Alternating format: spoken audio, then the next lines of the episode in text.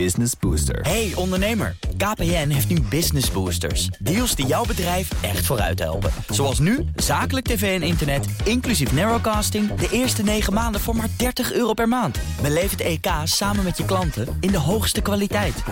Kijk op kpn.com slash businessbooster. Business Booster. Iedere woensdag spreek ik met Marcel Beerthuizen van sponsoring adviesbureau Big Plans over ontwikkeling op het terrein van sport en economie. En vandaag gaat het over de invloed van fans op het voetbal. Marcel, goedemiddag.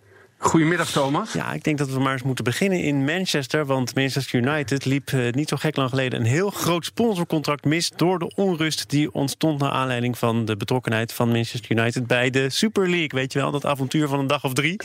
Wat is daar nou precies gebeurd? Ja, dat, dat bedrijf, MyProtein is het merk, dat, dat is onderdeel van de Hut Group. Dat wilde een tienjarige deal sluiten met Manchester United voor 243 miljoen uh, euro. Uh, toen zouden ze op de trainingskit komen te staan, maar nu E.ON op staat. En, uh, maar al dat gedoe, hè, dus vanwege dat gedoe met de Super League, kwamen de fans in opstand. Die hebben zelfs het stadion bezet. En ook gezegd, sponsors van Manchester United, we gaan jullie boycotten. Dus doe niet mee. En dat dat was de reden voor dit bedrijf om af te haken. En dat betekent dus dat uh, nou ja, uh, Manchester United niet alleen een blamage had met die Super League, maar ook nog eens enorm veel geld misliep.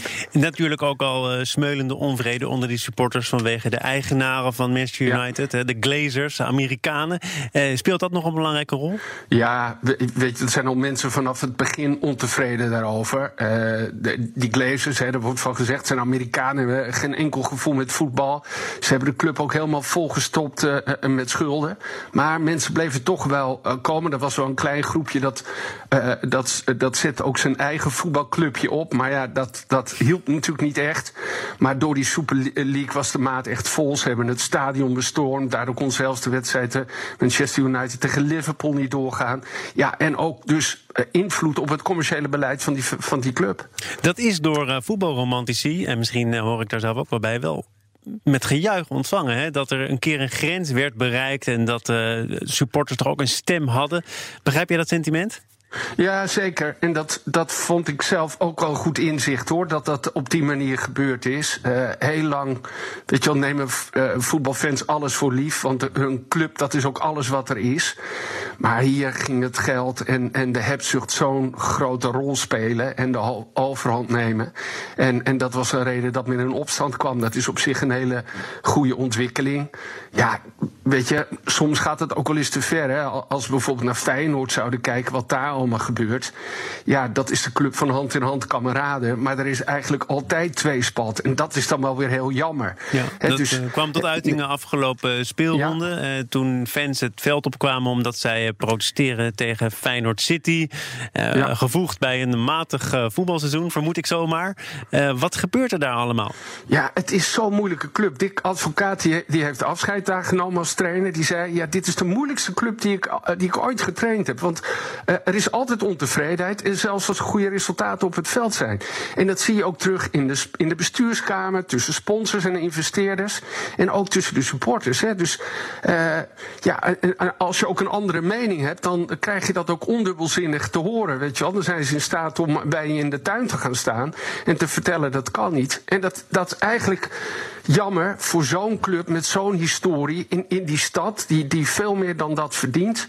En die hebben ook gewoon een, een aansprekend stadion nodig en grote sponsors. En hm. dat hoort gewoon bij Rotterdam en dat hoort ook bij Feyenoord. Over die, die angst van eh, supporters in de tuin eh, kan de aanvoerder vermoedelijk uh, meepraten. Want Steven Berghuis heeft dat behoorlijk vergoelijkt, hè, die fans die het stadion inkwamen. Maar ja. ik kan me voorstellen dat sponsoren denken: ja, ik kan mijn geld ook maar één keer uitgeven. Dan liever niet aan een soort wespennest als Feyenoord of een andere onrustige club. Gaat dat een rol spelen? Ja, dat speelt zeker een rol. En, nou, je, hè, ik noemde net het voorbeeld van Manchester United, waar een bedrijf dan echt afhaakt, die echt substantieel geld erin wil stoppen. En dat zie je in Rotterdam eigenlijk ook. Weet je wel. Er zit, zitten natuurlijk hele grote ondernemingen, eh, Unilever of Eneco, en die stappen toch niet in, omdat het gewoon veel te risicovol is. En je wil je als merk niet blootstellen, of als onderneming, aan die risico's. Daar wil je eigenlijk ver van blijven. Dus het geld in Rotterdam moet toch vooral komen van, van investeerders. En ook daar zie je tweespalt. Dat is ontzettend jammer. Maar als het nou rustiger zou zijn en iedereen zich achter een, een, een plan zou scharen, achter een bepaalde richting, dan is die kans dat die grote partijen instappen ook, ook veel groter. Het gaat uh, in dit geval veel over het voetbal, is natuurlijk ook de grootste sport. Maar komt het ook op andere terreinen voor? Ja, het, ik, ik, geloof dat in het basketbal is er ook wel eens wat uh, on, uh, onrust geweest tussen supporters lang geleden. Maar het is toch vooral voetbal, ja. hè? dat is ook de grootste sport. Uh, de rivaliteit die daarmee verbonden is, die kennen we natuurlijk allemaal. En, en ook de aandacht die je met voetbal kunt krijgen, hè? dat is, speelt natuurlijk ook een rol. Dus ja, het is wel, het is vooral als het hierover gaat, voetbal, voetbal, voetbal. Er zijn er ook voorbeelden waarin die clubs hebben gezegd, nou, supporters, ga er maar aan het roer staan, jullie bepalen het beleid.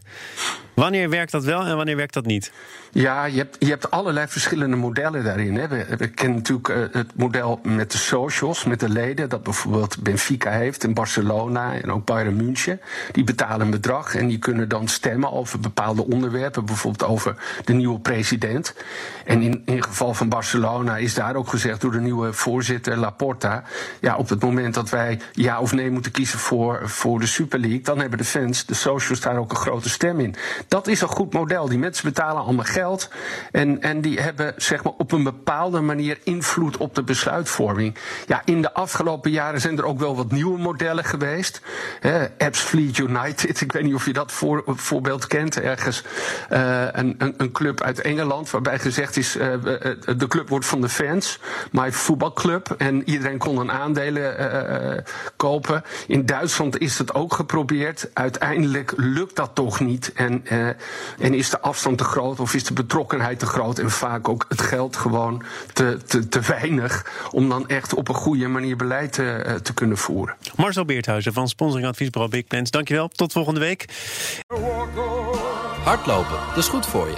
En Nationale Nederlanden helpt je daar graag bij. Bijvoorbeeld met onze digitale NN Running Coach... die antwoord geeft op al je hardloopvragen. Dus, kom ook in beweging. Onze support heb je. Kijk op nm.nl slash hardlopen.